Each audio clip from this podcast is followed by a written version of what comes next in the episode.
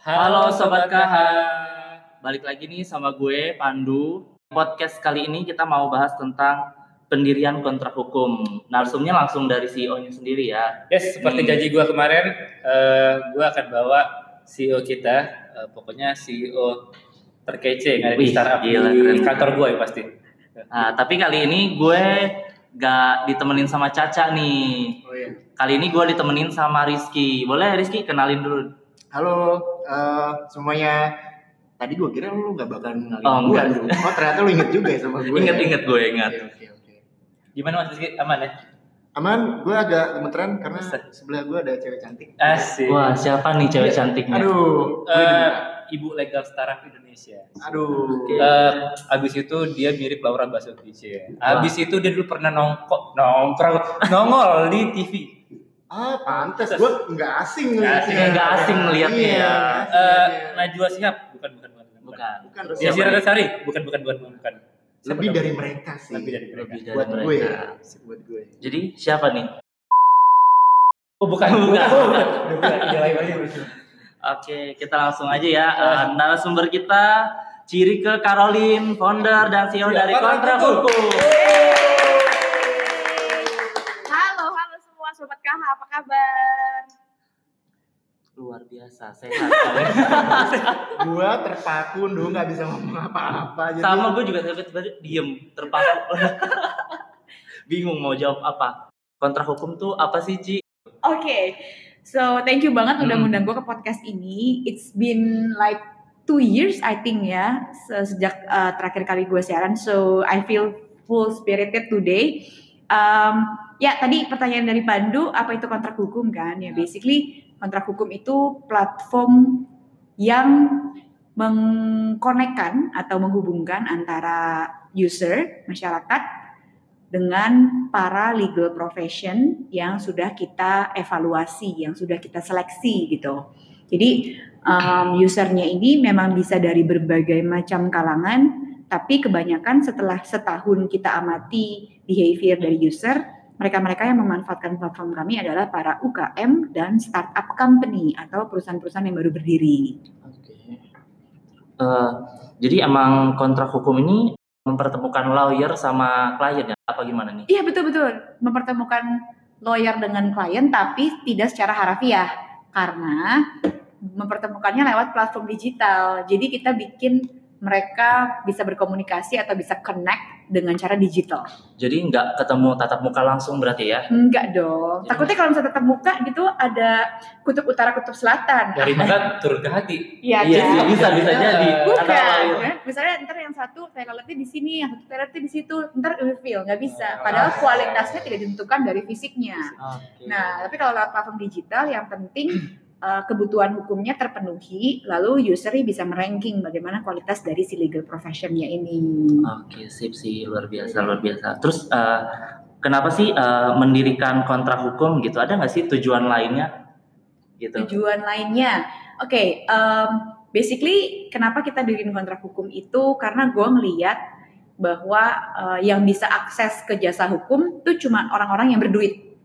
Jadi notabene Hmm. kebanyakan firma hukum itu kliennya adalah uh, corporate-corporate besar, corporate-corporate multinasional atau orang asing gitu. Lu tanya deh teman-teman lo yang kerja di hukum ya atau kerja di Hmm. firma, pasti jawabannya di atas 75% dari klien mereka itu adalah orang-orang uh, Ya. yang sudah established. Nah, tapi bagaimana dengan kondisi uh, pemerintah Indonesia yang mendukung tumbuh kembang UKM dan startup nih? Kok nggak pernah ada yang nyebut UKM sama startup juga tanda kutip layak atau worth untuk kita layani gitu kan? There must be something wrong gitu. Kok nggak nyambung nih uh, industrinya nggak siap untuk layanin UKM sama startup. Nah, ternyata usut punya usut setelah kita lakukan survei, kenapa para startup dan UKM itu nggak nggak merasa butuh hukum? Karena tidak lain tidak bukan charge dari industri hukum itu mahal. Mereka menerapkan yang namanya hourly rate.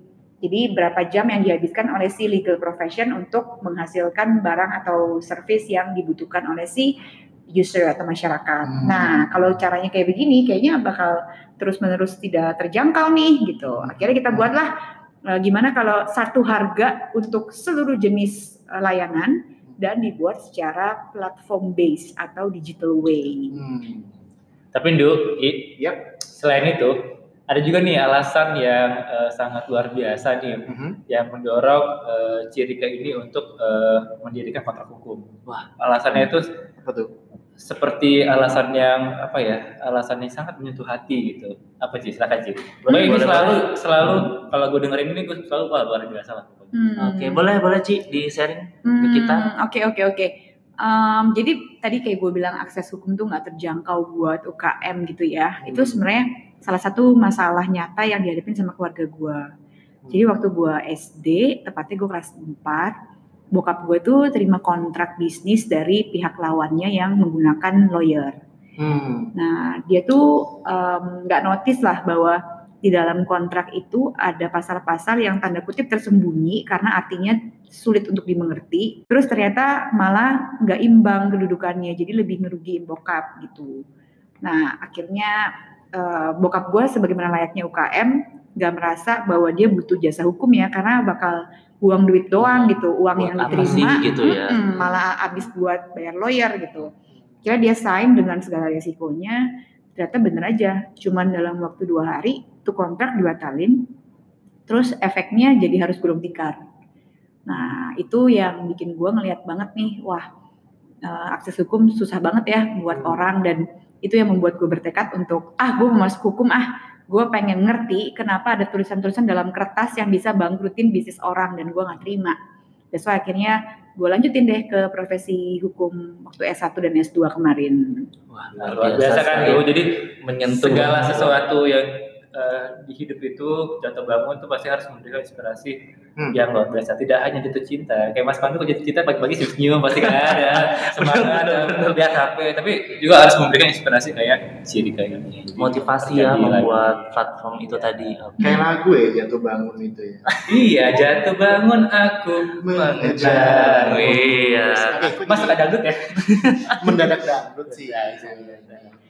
Eh, by the way, gue gue mau nanya ke cewek cantik ini. Oh boleh lah. Boleh kan ya? sekali. Eh, Ci, kenapa datangnya nggak sendiri aja sini? Eh, nggak salah, salah fokus. Eh, maksudnya, kenapa kok online bisnis eh, kontrak hukum? Nggak konvensional kayak notaris atau law firm yang lain? Hmm, I see. Soalnya pertanyaan malah bagus banget nih Mas Ganteng. Aduh, Ih, saya pulang nih. Ini eh, kita ngeliatnya ada ketidakmerataan persebaran kualitas. Biasanya tuh eh, mereka-mereka yang dapat memahami kebutuhan eh, pebisnis hanya ada terletak di kota-kota besar. Hmm. Nah, kalau misalnya kita mau uh, menyentuh seluruh Indonesia, mau bikin perubahan yang besar-besaran buat negara ini, supaya hukum jadinya bisa diakses oleh seluruh pihak, termasuk usaha kecil menengah, maka kita harus mendemokratisasi si layanan hukum lewat platform digital atau riding the technology. Tuh, Wow. lagian segala sesuatu yang online itu ya, Mas Hmm. Ganteng, akan menyebabkan baca. jadi terjangkau segala sesuatunya, jadi lebih efisien dan efektif prosesnya. Oke. Jadi simpel sih. Gue ngebayanginnya tuh nggak nggak seriwet kayak gue lihat Iya kan? TV Ah. hukum. kan kita tahu ya hukum-hukum tuh kayak ribet nggak sih, jelimet gitu kayak ngurus-ngurusnya males nggak sih gitu Ya, kan? pasti kita pengen bikin legal aman bisnis nyaman Jadi Legal aman, bisnis nyaman. legal bisnis aman nyaman. bisnis nyaman Keren sih, keren, keren. teman-teman semua Keren banget. Berarti emang sasaran kontrak hukum ini UKM dan startup-startup yang baru mulai bangun itu bisnis kali ya. Betul betul. Kalau kita lihat sih memang um, sebenarnya usernya boleh datang dari mana aja. Oke. Karena mereka yang butuh hukum bisa masuk ke platform.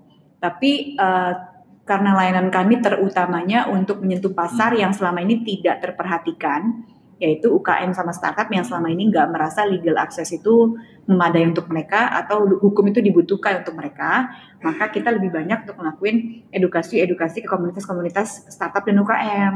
Sip, sip, sip. Misalnya kayak kerja sama sama inkubator, akselerator, atau komunitas UKM, bahkan kemarin sempat ke rumah kreatif BUMN untuk bisa uh, kasih pengertian pemahaman kepada UKM tentang pentingnya hukum menjadi teman untuk mengembangkan bisnis mereka. Sip, mantap kali ya.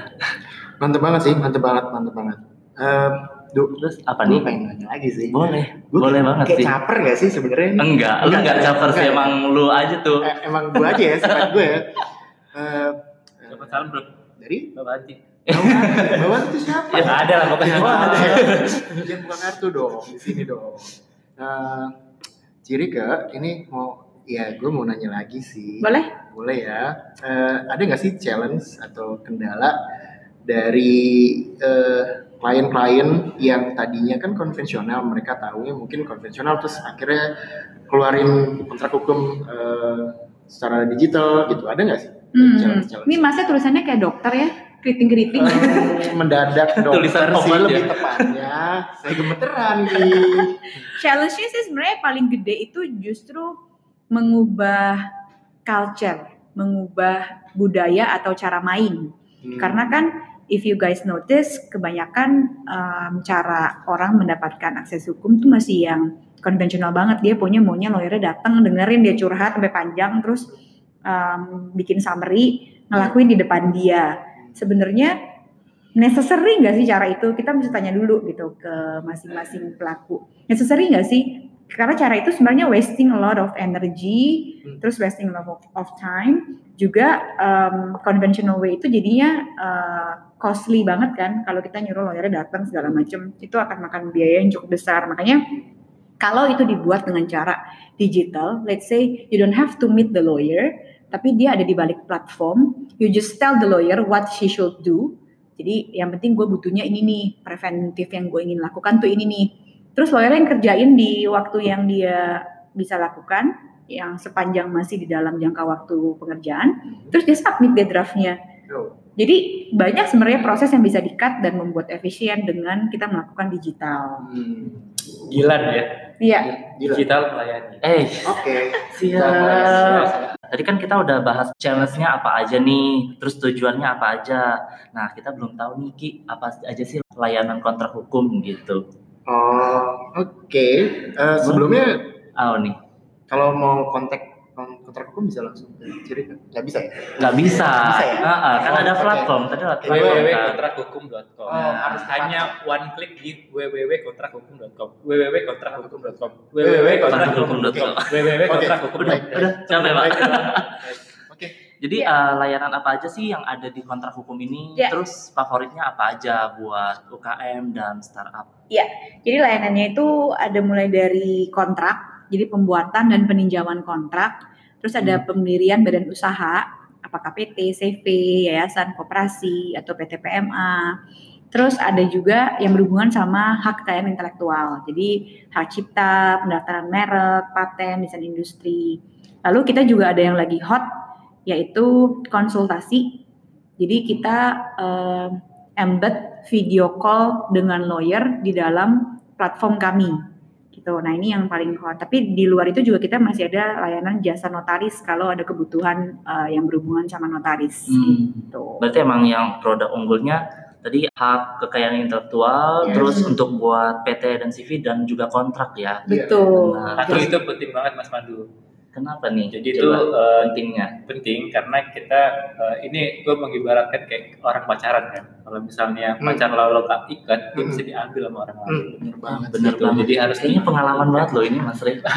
Saya ngomong dari hati nih. Asli maaf nih. Iya, iya. Ciriku udah ada inget belum ya? Eh, Jadi kau. tit. Oh. Oke oke oke oke oke. Siap siap siap. Baiklah.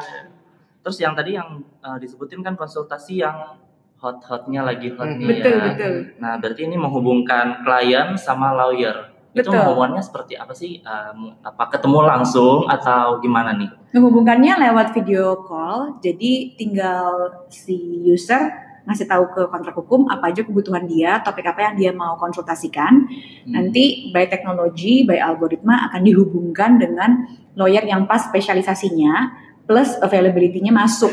Jadi di waktu yang mereka berdua udah match, Berarti mereka akan bisa uh, video callan. Tanpa kita ketahui sebenarnya di, di balik platform itu si lawyer lagi pakai celana pendek mungkin sama sendal jepit gitu ya. Iya, Yang penting kan. Bisa juga sih. kualitasnya ya kan.